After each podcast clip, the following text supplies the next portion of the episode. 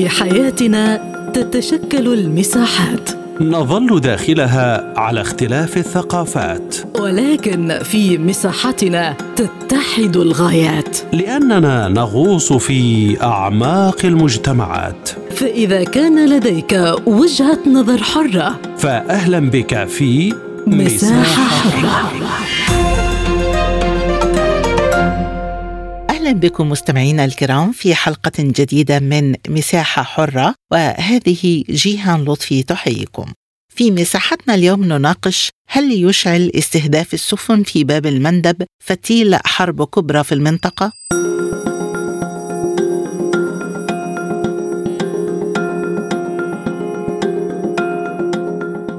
أعلنت جماعة أنصار الله اليمنية مساء الأحد تنفيذ القوات البحرية عملية استهداف لسفينتين إسرائيليتين. في باب المندب هما سفينة يونيتي إكسبلورر وسفينة نمبر 9 وقال المتحدث باسم القوات المسلحة اليمنية التابعة لأنصار الله العميد يحيى سريع إنه تم استهداف السفينة الأولى بصاروخ بحري والثانية بطائرة مسيرة بحرية مؤكدا أن عملية الاستهداف جاءت بعد رفض السفينتين الرسائل التحذيرية من القوات البحرية اليمنية. وأوضح سريع أن قوات أنصار الله مستمرة في منع السفن الإسرائيلية من الملاحة في البحرين الأحمر والعربي حتى يتوقف العدوان الإسرائيلي على الصامدين في قطاع غزة. في سياق متصل أعلنت الولايات المتحدة الأمريكية أن مدمرة أمريكية أسقطت ثلاث طائرات مسيرة أثناء تقديم البحرية الأمريكية الدعم لسفن تجارية في البحر الأحمر استهدفتها هجمات من اليمن. فهل يشعل استهداف السفن في باب المندب فتيل حرب كبرى في المنطقة؟ حول هذا الموضوع تدور نقاشاتنا في حلقة اليوم من مساحة حرة. مساحة حرة برنامج يسلط الضوء على أهم القضايا الاجتماعية والاقتصادية حول العالم. في مساحة حرة تنوع في الآراء وثراء في النقاش. يأتيكم عبر راديو سبوتنيك الاثنين والخميس من كل أسبوع. ويسعدني في البداية أن أرحب بضيوفي في هذه الحلقة معنا من صنعاء عبر الهاتف الدكتور معن دماج الكاتب والمحلل السياسي وأيضا معنا من القاهرة سيادة اللواء محمد عبد الواحد خبير شؤون الأمن القومي. مرحبا ضيوفنا الكرام. البداية من اليمن وينضم إلينا عبر الهاتف من صنعاء الدكتور معن دماج الكاتب والمحلل السياسي. مرحبا بك معنا دكتور معن ضيفا عزيزا عبر أثير سبوتنيك. سؤال حلقة اليوم هل يشعل استهداف السفن في باب المندب فتيل حرب كبرى في المنطقة؟ الإطار العام الذي تجرى فيه الأحداث الأخيرة واستهداف السفن التجارية في باب المندب وفي البحر الأحمر وخليج عدن أن هناك قرار استراتيجي أمريكي إسرائيلي و كل دول الغرب تقريبا بعدم توسيع الصراع واخذ المنطقة إلى حرب إقليمية لأن إرادتهم أن تبقى الحرب محصورة ومركزة في قطاع غزة. لكن طبعا ما يمكن أن يحدث عرض التداعيات. لبعض الضربات النتائج معينة ربما غرق سفن ضرب منشآت عسكرية تابعة لأمريكا ربما تخرج بالأمور عن هذه النقطة. الذي يتابع الموقف منذ البداية يرى أنه أيضا حتى في إطار رغم الضربات الذي وجهها الحوثي على السفن التجارية هناك في نفس الوقت في في الرياض وفي مسقط ضغوط أمريكية على الحكومة الشرعية وهناك طبعا رغبة سعودية في وصول الأمور بين الحكومة الشرعية وبين الحوثيين إلى تفاهم كامل. يعكس في اغلبه مصلحة للحوثية. هذا أمر قد يبدو متناقضا لكن أنا أعتقد انه الإطار الأساسي الذي يحكم رؤية الأمريكيين الحوثي هي رغبة في الاحتواء واعتبار أن حتى تصرفاته هذه اضرار جانبية مقابل ما يحققه لها من فوائد استراتيجية بالذات إبقاء المملكة العربية السعودية والمنطقة تحت التهديد وبالتالي مزيد لجوءها للحماية الأمريكية. ما هو تقييم حضرتك لانخراط مدمرة أمريكية في استهداف مسيرة الحوثي؟ برأيك هل تم استدراج الولايات المتحدة إلى الانخراط المباشر في الاشتباك؟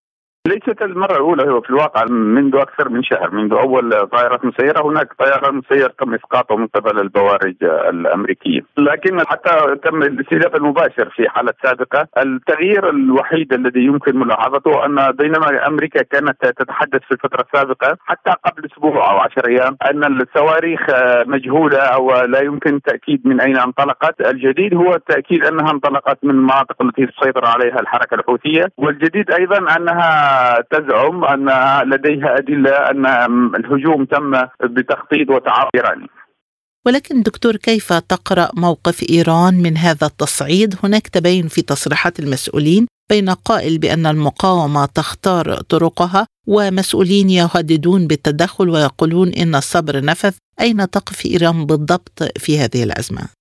الحديث الإيراني عن أن الحرب يمكن أن تتسع وأن الصبر اسد هو موجود منذ الساعات الأولى من الحرب في غزة، نحن على وشك أن نقفل شهرين ونحن بالفعل أوشكنا على اقفال شهرين ولم يحدث أي جديد. أنا في تقديري أن إيران أسلوبها في المواجهة مع أمريكا وتحقيق أهدافها هو نوع من الحرب الغير متناظره، لا, لا, لا لن تذهب في حرب مفتوحة لأنها تعرف أنها سوف تخسرها، الأسلوب الوحيد الذي يمكن أن تربحه كما حدث في كل الحروب التي خسرتها أمريكا هي نوع من حروب العصابات والجماعات والميليشيات والحروب الغير متناظرة، هذا القرار كان واجب لإيران وبالنسبة لأدواتها الرئيسية بالذات حزب الله، بالتالي الحديث أيضا عن أن كل طرف في المقاومة أو محور المقاومة يحدد أولوياته ويقرر سياسته هذا أمر لا يصدقه أحد، رغم طبعا العوامل العميقة في المجتمع والعناصر الذاتية لوجود هذه الميليشيات بالذات الحركة الحوثية في اليمن الذي لديها تاريخ اجتماعي وسياسي تستند عليه، لكن لكن بالذات الأجنحة العسكرية لهذه الحركات هي أذرع بالمعنى الحرفي للكلمة للحرس الثوري الإيراني انشاء وتدريبا وتمويلا وقرارا. وقد يتم توزيع توزيع الأدوار بين هذه المحاور وبين هذه الميليشيات المختلفة بما يخدم المصلحة والسياسة الإيرانية بعدم الانخراط في حرب مفتوحة لأنها تعتقد سواء كانت الحرب في إيران أو على حزب الله باعتباره أداتها الأساسية والطرف الأهم في استراتيجيتها أن تلك الحرب ستكون مدمرة ولن تستطيع أن تتحمل دفع ثمنها فهي تنام ناحية لتقليل الاضرار الحرب من ناحية أخرى حتى لا تخسر قاعدتها الاجتماعية وخطابها التعدوي القائم على أساس فلسطين والقدس بينما هي حاربت في كل مكان إلا في القدس وفي فلسطين. برأيك هل هناك محاولة لربط أمن الملاحة في البحر الأحمر مع أزمة غزة ولصالح من يتم هذا الربط؟ بالتأكيد هناك محاولة لتهديد الخطوط البحرية وإثبات هيمنة على الأقل إثبات القدرة على الإضرار بهذه المسارات التجارية والبحرية وتصريحات قديمة وسابقة منذ سنوات طويلة للحرس الثوري الإيراني أن إيران تسيطر على مضيق هرمز كما تسيطر على مضيق باب المندب. الأمر الذي يمكن واحد أن يلاحظه في هذا الأمر أن بقاء وجود قوة كبيرة للحوثيين على البحر كان إرادة بريطانية أساسا وأمريكية. في الحرب عام 2018 في الحديدة القوات المدعومة من الإمارات والقوات المحسوبة على الحكومة الشرعية في الواقع اجتاحت أغلب مدينة الحديدة وكانت على مشارف على بعد أقل من كيلو أو 2 كيلو من منطقة الميناء. وكانت الحرب على وشك أن تحسم بشكل كامل للقوات المحسوبة والمدعومة من التحالف لولا الضغط. حول وزير خارجيتها إلى مندوب يدور في المنطقة وتمسك قضيه خوشقجي ضد المملكة العربية السعودية اللي ضغط عليها بالموافقه على ما عرف باتفاق ستوكهولم الذين لم يوقعه أحد في الواقع، كان إرادة وقرار بريطاني والآن من المفارقات أن نرى يعني انعكاسات هذا القرار على بريطانيا وعلى المحور الغربي بشكل عام. بالحديث عن هذه النقطة وبعيدا عن توجيهات إيران ماذا تستفيد جماعة أنصار الله من هذا التصعيد وهل يهدد هذا السلوك تفاهمات التهدئة التي أبرمتها سابقا مع السعودية؟ قد يلقي بظله على هذه التفاهمات لكن يبدو أن السعودية قد حزمت أمرها بأنها تريد التسوية والخروج من الحرب المباشرة بأي طريقة لكن آه، الفوائد المتوقعة من جماعة الحوثي هي متعددة. من ناحية يعني هي تبرز قيمتها ضمن منظومة الميليشيات التابعة لإيران وجدواها وتأثيرها وتحاول أن تتحول إلى طرف في السياسة الأمنية الإقليمية. ومن ناحية تستطيع أن تعد شارعها والمناطق التي تسيطر عليها التي شهدت فيها احتجاجات واسعة في الفترة الأخيرة وتشهد من ضعف شعبيتها وفي سبتمبر الماضي كانت هنالك احتجاجات كبيرة ضد الطابع والسلالي للحركه الحوثية كافة شعارات الجمهورية والاحتفال بذكرى إعلان الجمهورية في اليمن، الأمر لا استخدم هذه الشعار الفلسطيني كما استخدمته دائما من أجل التحشيد للحرب الأساسية ضد خصومها في الداخل بالأساس في مأرب وحشد كبير في هذا الإطار. ويخدمها لأنه في الواقع المشكلة اللي أصبحت تواجهها كل الأطراف في السنوات الأخيرة في الحرب في اليمن. هي فشلها في التحشيد وبالذات بعد الخسائر الفادحة التي حصلت لها في حرب العامين 2021 2020 2021 في مأرب والذي كانت بعشرات الالاف هذا الذي يحدث الآن بالإضافة إلى تنمية صورها في الشارع العربي والإسلامي. يسمح لها بالتحشيد الداخلي وبالتالي سد الفجوة التي تحتاجها في تقديرها لخوض معركة أساسية ضد مأرب وهو ما يمكن أن نشهده في الشهور القليلة أو حتى الأسابيع القليلة القادمة. إذا ما تأثير هذا التصعيد على التفاهمات الأمنية بين دول الخليج وإيران حول أمن البحر الأحمر؟ بالتأكيد سيكون هناك تأثير كبير لكن إيران يعني استراتيجيتها قائمة على انتزاع مكاسب بالضغط العسكري والميداني وعدم الاهتمام بالاتفاقات السياسية الا مؤقتا للخروج من بعض الأوقات الصعبة، هي تعرف أنها بعد 40 سنة من الاستثمار في هذه الحركات لن لن تتخلى عنها مقابل أي مكسب لأن ما الدفع فيها هو أكبر من أي مكسب آخر. أنا أعتقد أن إيران تتصور أنها بالعكس سوف يكون لها يد عليا في أي تفاهمات أخرى بالذات أن الدول الخليج هي دول تعتمد على التجارة الحرة واقتصادات نشطة ويمكن أن يوجه لها ضربة كبرى بتهديد التجارة الخارجية. والصراع هذا الصراع حتى على السفن التجارية وضرب السفن التجارية لديه تقاليد كبيرة في الخليج في الواقع في الحرب الإيرانية العراقية. شهدنا ما عرف بحرب السفن وتوسعت إيران فيه إلى أقصى حد لكن طبعا بالتدخل الأمريكي الحاد وقتها تحولت النتائج ضدها. الآن ما يحدث رغم أنه يبدو أن إيران تؤكد سيطرتها على أو نفوذها على الأقل على خطوط الملاحة في البحر الأحمر وخليج عدن تماما كما هي في الخليج، لكن النتائج النهائية لهذا التدخل قد لا تكون متضحة منذ الآن. نلاحظ انتشار وتوسع ووصول الكثير من السفن الغربية والمدمرات والبوارج الذي يمكن أن يؤدي إلى نتيجة عكسية يعني يؤدي إلى تحويل هذه المنطقة إلى منطقة نفوذ كامل للمحور امريكي ولا غربي. بالحديث عن هذه النقطة دكتور معن باب المندب مضيق دولي يخضع لقوانين البحار الدولية ما هي سيناريوهات التحركات الدولية لضبط الملاحة في المضيق الدولي الذي تمر عبره تقريبا ثلث تجارة العالم؟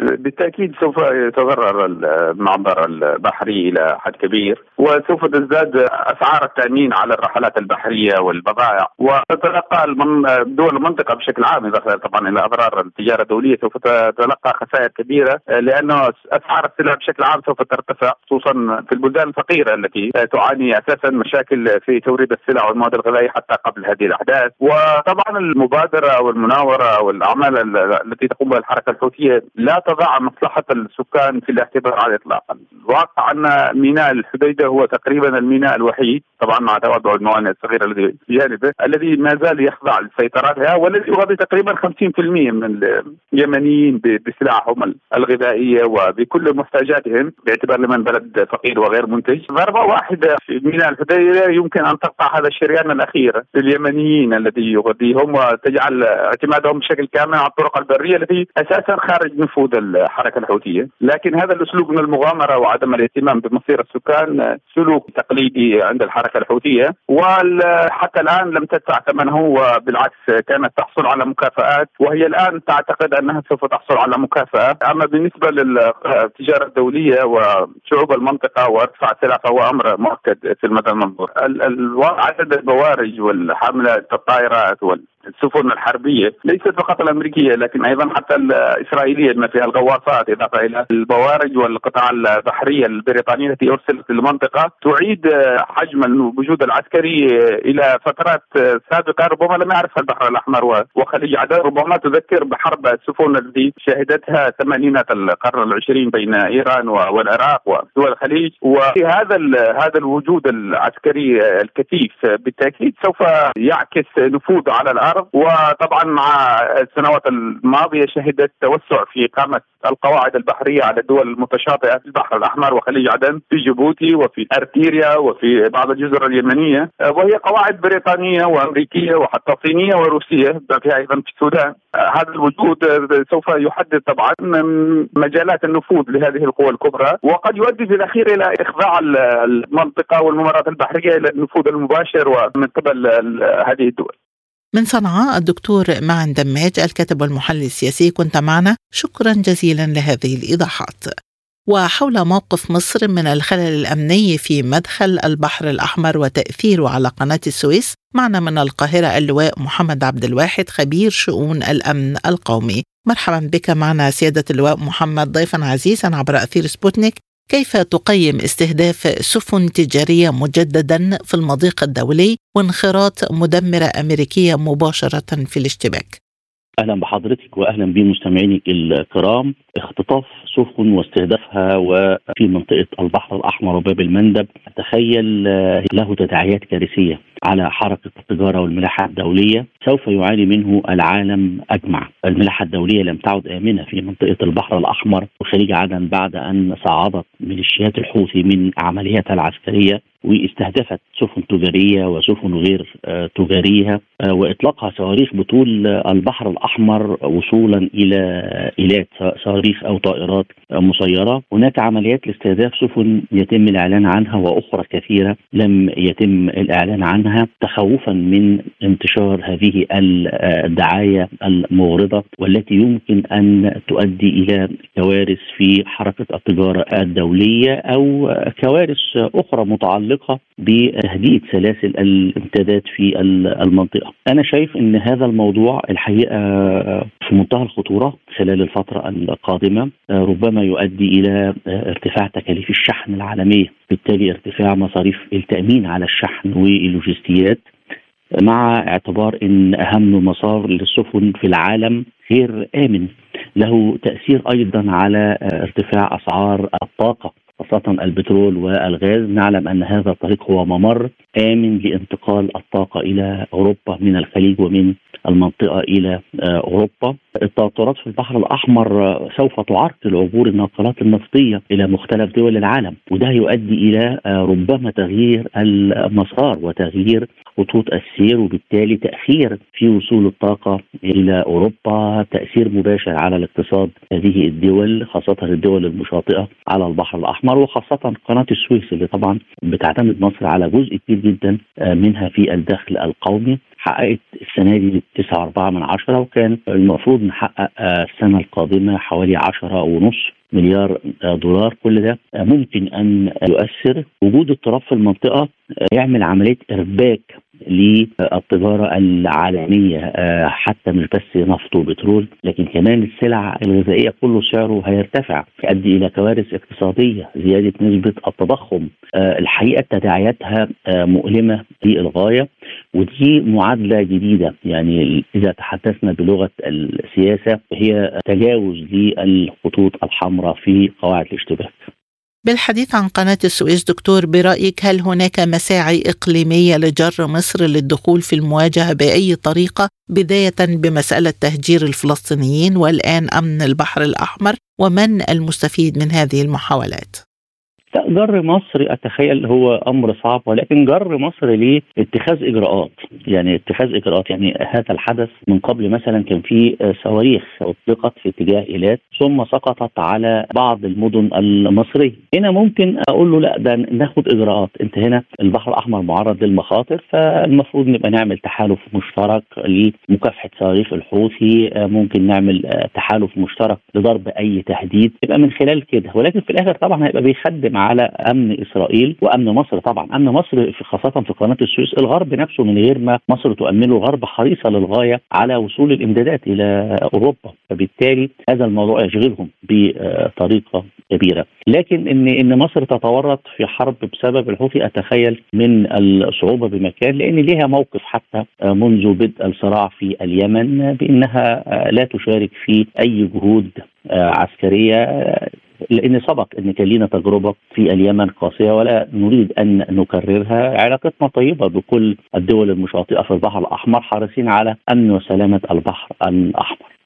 ولكن برأيك هل هناك محاولة لربط جبهات القتال في الشرق الأوسط بداية من التصعيد في العراق وسوريا من جهة وغزة من جهة والآن البحر الأحمر لصالح من هذا ولماذا يتم ربط هذه الجبهات؟ اولا هذا معلن وغير مخفي وإسرائيل والولايات المتحده الأمريكية وشركائها في الغرب منذ اللحظة الأولى هم لديهم تخوف من توحيد جبهات القتال المختلفة خاصة إن جبهات القتال أو اذرع القتال في المنطقة كلها آه، هي الحقيقة موالية إلى إيران سواء حزب الله في آه، لبنان سواء آه، الميليشيات في سوريا الميليشيات في العراق أو الحوثي في اليمن. يعني هذا المحور أو هذا الهلال كله تابع إلى إيران وهم قالوا إن تورطهم في عمليات عسكرية مرهون ومرتبط ارتباط مباشر بشكل التصعيد العسكري آه، في غزة، يعني حتى في فترات الهدنة لقينا إن كان في التزام وعدم إطلاق ضرب نار ولكن هي محاولة لإشغال إسرائيل عن القصف القاسي للمدنيين اللي موجودين في غزة. آه، كل ده مستفز المنطقة. يعني العمليات العسكرية نفسها هتولد آه، انفجار في المنطقة. حتى إذا لم يتم هذا الانفجار من قبل الدول الجوار لكن تداعياتها هتولد في المستقبل إرهاب إرهاب من نوع جديد لأنه في شعور بالقهر. للمنطقة العربية في اختراق للقانون الدولي وقتل المدنيين وهدم البيوت وتدمير الحياة بصفة عامة في منطقة غزة. وكأن هناك استراتيجية مفادها هو قهر المقاومة وضرب الحاضنة الاجتماعية لكل المقاومة من غير ضرب المدنيين. حتى لا يتكرر هذا. لكن ضرب المدنيين ده ضد القانون الدولي. كل الممارسات الإسرائيلية يتم تنفيذها آه، كلها جرائم حرب سواء إبادة جماعية أو ضرب المدنيين أو استهداف المستشفيات أو المنشآت الاجتماعية والدينية والثقافية وغيرها من مظاهر الحياة القانون الدولي الإنساني مجرمها. وللأسف إسرائيل آه، تمارسها وبتشجيع قوي جدا من الولايات المتحدة الأمريكية ومن دول آه، غربية. كل ده بيؤدي إلى حالة غليان في المنطقة خاصة في الشارع. يعني خلينا برضو نكون امناء هو داخل الشارع العربي بالكامل مصاب بحالة من الغليان. ربما الحكومات متفهمة تفكر بطرق المصالح بطرق براغماتية لكن الشارع متخوف لأنها جراءة غير معتادة وبالتالي ممكن أن تتكرر في أي منطقة بعد القضاء على المقاومة. لكن إذا أرادت إيران التدخل لماذا لم تحرك أدواتها الرئيسية خاصة حزب الله؟ ونعرف أن حركته محدودة في هذه الأزمة رغم إمكانية تأثيره الكبيرة. فيما يتعلق بإيران والولايات المتحدة الأمريكية هناك قواعد للاشتباك أو قواعد للعبه دائما ما تكون هناك مناوشات من بعيد إلى بعيد لإرسال رسائل مفادها إني أنا موجود وإن أنا قوي وقادر على الرد والرد على أي مناوشات في أي منطقة وهذه قواعد لعبة معروفة منذ زمن طويل. فيما يتعلق بحزب الله نفسه هو أيضا لديه قواعد لعب مع إسرائيل وفي حدود في التعامل تبقى من خلال المناوشات لكن الجر في حرب حزب الله غير قادر على إنه يتحمل مسؤولية حرب أخرى كما حدث في 2006 وتتدمر آه، بيروت أو تتدمر الجنوب اللبناني كما تم تدمير غزة. في هذا التوقيت فالحقيقة مسؤولية كبيرة جدا. في مشاكل كثيره في آه، لبنان مشاكل سياسية مشاكل اقتصادية. وبالتالي في الداخل اللبناني الموقف صعب جدا. وكذلك إسرائيل لا تريد أن تدخل الجانب المعتدل منها. لا يريد أن يدخل في مناوشات مباشرة مع حزب الله لأن آه، اقتصادها بدأ ينهار بدأ ظروفها بدأت تبقى صعبة ومش عايزة تفتح أكثر من جبهة. في نفس التوقيت هتكون هي الخاسر حتى إن هي الأقوى عسكريا في المنطقة لكن هتتكبد خسائر كبيرة. وبالتالي هناك تفاهمات. في اليمين المتطرف داخل إسرائيل وعلى رأسه جالنت دائما ما يعزز من عملية استفزاز حزب الله. يريد إسرائيل بصفة عامة أن تورط أمريكا في حرب ضد إيران، لكن أمريكا متحسبة لهذا الموضوع ولا تنجر بمثل هذه الحرب، لأن ربما لم يحن الوقت للصدام مع إيران، كما أن أي حرب مع ايران في هذا التوقيت يفتح المجال لمساعدات أخرى زي روسيا مثلا أو الصين بطرق غير مباشرة لمساعدة ايران وبالتالي تبقى حرب إقليمية شديدة في المنطقة. الخاسر فيها هو أمريكا لأن الأرض ليست أرضها والخاسر الكبير فيها أمريكا ومصالحها في المنطقة. وهتخسر كمان امدادات شركائها من الطاقة والنفط إلى أوروبا خاصة إحنا داخلين على فصل الشتاء.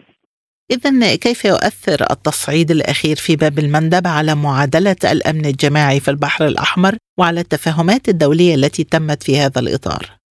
تخيل مؤثرة للغاية وممكن يتم التخفيض شوية لأن أنا شايف إن ده تجاوز برضه لخطوط حمراء لو لاحظنا الفترة اللي فاتت يعني أنا حتى في البداية قلت أن هناك معلن وغير معلن في ضربات كثيرة بتتم والغرب والولايات المتحدة الأمريكية لم يعلنوا عنها في ضربات بتطال مراكب مدمرات حربية وعسكرية أمريكية وإنجليزية ولم يعلن عنها نظرا لرغبة غربية في عدم تصعيد هذا الموضوع لأن لو صعد هنا بقى الاقتصاد بيتدخل وبالتالي أسعار الشحن بتزيد وأسعار التأمين بتزيد وأسعار البترول على مستوى العالم بيزيد وأنا في ظل أزمة هم استفادوا من التجربة الروسية الأوكرانية استفادوا كثير وعانوا كثير جدا وبالتالي لا يريدوا أن تتفاقم الأزمة مرة أخرى خاصة مع مصادر اساسيه للنفط من منطقة الخليج.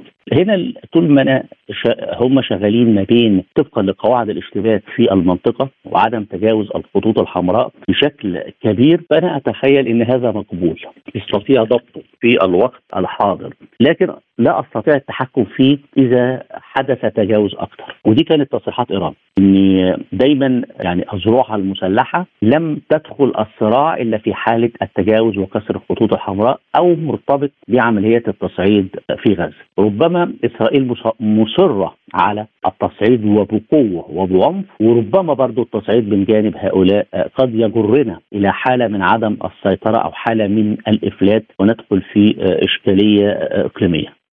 أخيرا سيادة اللواء تحدثت حضرتك عن تأثر النفوذ الأمريكي سلبا في المنطقة حال خروج الأمور عن السيطرة. برأيك هل تصب هذه الأزمة في اتجاه بزوغ نظام عالمي جديد؟ وسمعنا أمس الرئيس الصيني يدعو البشرية إلى الاتحاد لبناء عالم أفضل أمريكا المنطقة منطقة صراع على النفوذ آه تاريخيا كانت صراع فرنسي إنجليزي حتى لغاية سنة 68 كانت بريطانيا كانت مسيطرة على هذه المنطقة. ثم كان صراع في فترة الحرب الباردة ما بين الاتحاد السوفيتي والولايات المتحدة الأمريكية على هذه المنطقة تحديدا. ومن 76 77 إلى انهيار الاتحاد السوفيتي كانت سيطرة سوفيتية. يعني كان معظم حكام المنطقة من الدول اللي بينتموا إلى الشيوعية أو بينتموا إلى الفكر الاشتراكي زي منجستو في أديس أبابا. كانت أديس أبابا ما فيش إريتريا بقى. كان إثيوبيا واريتريا كانت دولة واحدة وكانت بتطل على البحر وكان نظام اشتراكي منجستو نظام سياد بري في الصومال اليمن الجنوبي في الجهة الأخرى فكانت سيادة مطلقة للاتحاد السوفيتي إلى أن 86 كده بدأ بقى الحديث عن تداعيات سقوط الاتحاد السوفيتي أو ضعفه أو تفككه وبدأ إن دي بتشكل تكلفة عالية جدا وبدأت تتحرك القوات الروسية من المنطقة إلى أن تحل محلها القوات الأمريكية وبدأت أمريكا تاخذ عدد من الإجراءات خلال الحقيقة ال 30 سنة الماضية من ترسيخ تواجدها من خلال تواجد شكلي ليها أو من خلال الحلفاء. وبدأت تفتعل أزمات في المنطقة لترسيخ تواجدها زي حرب العراق الأولانية 90 ثم احداث 11 سبتمبر والتواجد في جيبوتي وعمل قواعد عسكرية وقوات مكافحة الإرهاب في جيبوتي وعسكرة في المنطقة ومكافحة القرصنة 2007 2008 وقوات من الناتو ترسلها للحفاظ على المساعدات الإنسانية راح الصومال لكن كانت عسكرة في هذه المنطقة، وعلى فكرة وما زالت هذه القوات متواجده، ثم بدأت تنشئ تحالفات مع دول الجوار والدول المشاطئة للبحر الأحمر لحماية البحر الأحمر وسميناها ال task force 153 وفي ال task force 151 في البحرين و152 في الخليج، كله مع الشركاء، ولكن لم يستطيعوا إن هم يوقفوا هجمات زي هجمات الحوثي اللي بتتم بلانشات صغيرة أو مراكب صغيرة ومنطقة مزدحمة بمراكب يصعب جدا السيطرة عليها، مراكب تجارية يمنع حمل أي سلاح على أي مركب تجاري في العالم طبقا للقانون الدولي وقانون البحار والمحيطات. وبالتالي من السهل جدا إن أنا أهاجم مركب تجاري وإن أنا إن أنا أخطفها حتى الغرض هنا ليس قرصنة طبعا لأنها بعيدة عن القرصنة ولكنها عمليات عسكرية. بحديثي إلى اللواء محمد عبد الواحد خبير شؤون الأمن القومي من القاهرة نكون قد وصلنا إلى ختام حلقة اليوم من مساحة حرة. للمزيد زوروا موقعنا على الإنترنت سبوتنيك dot ae. شكرا لطيب المتابعة وإلى اللقاء.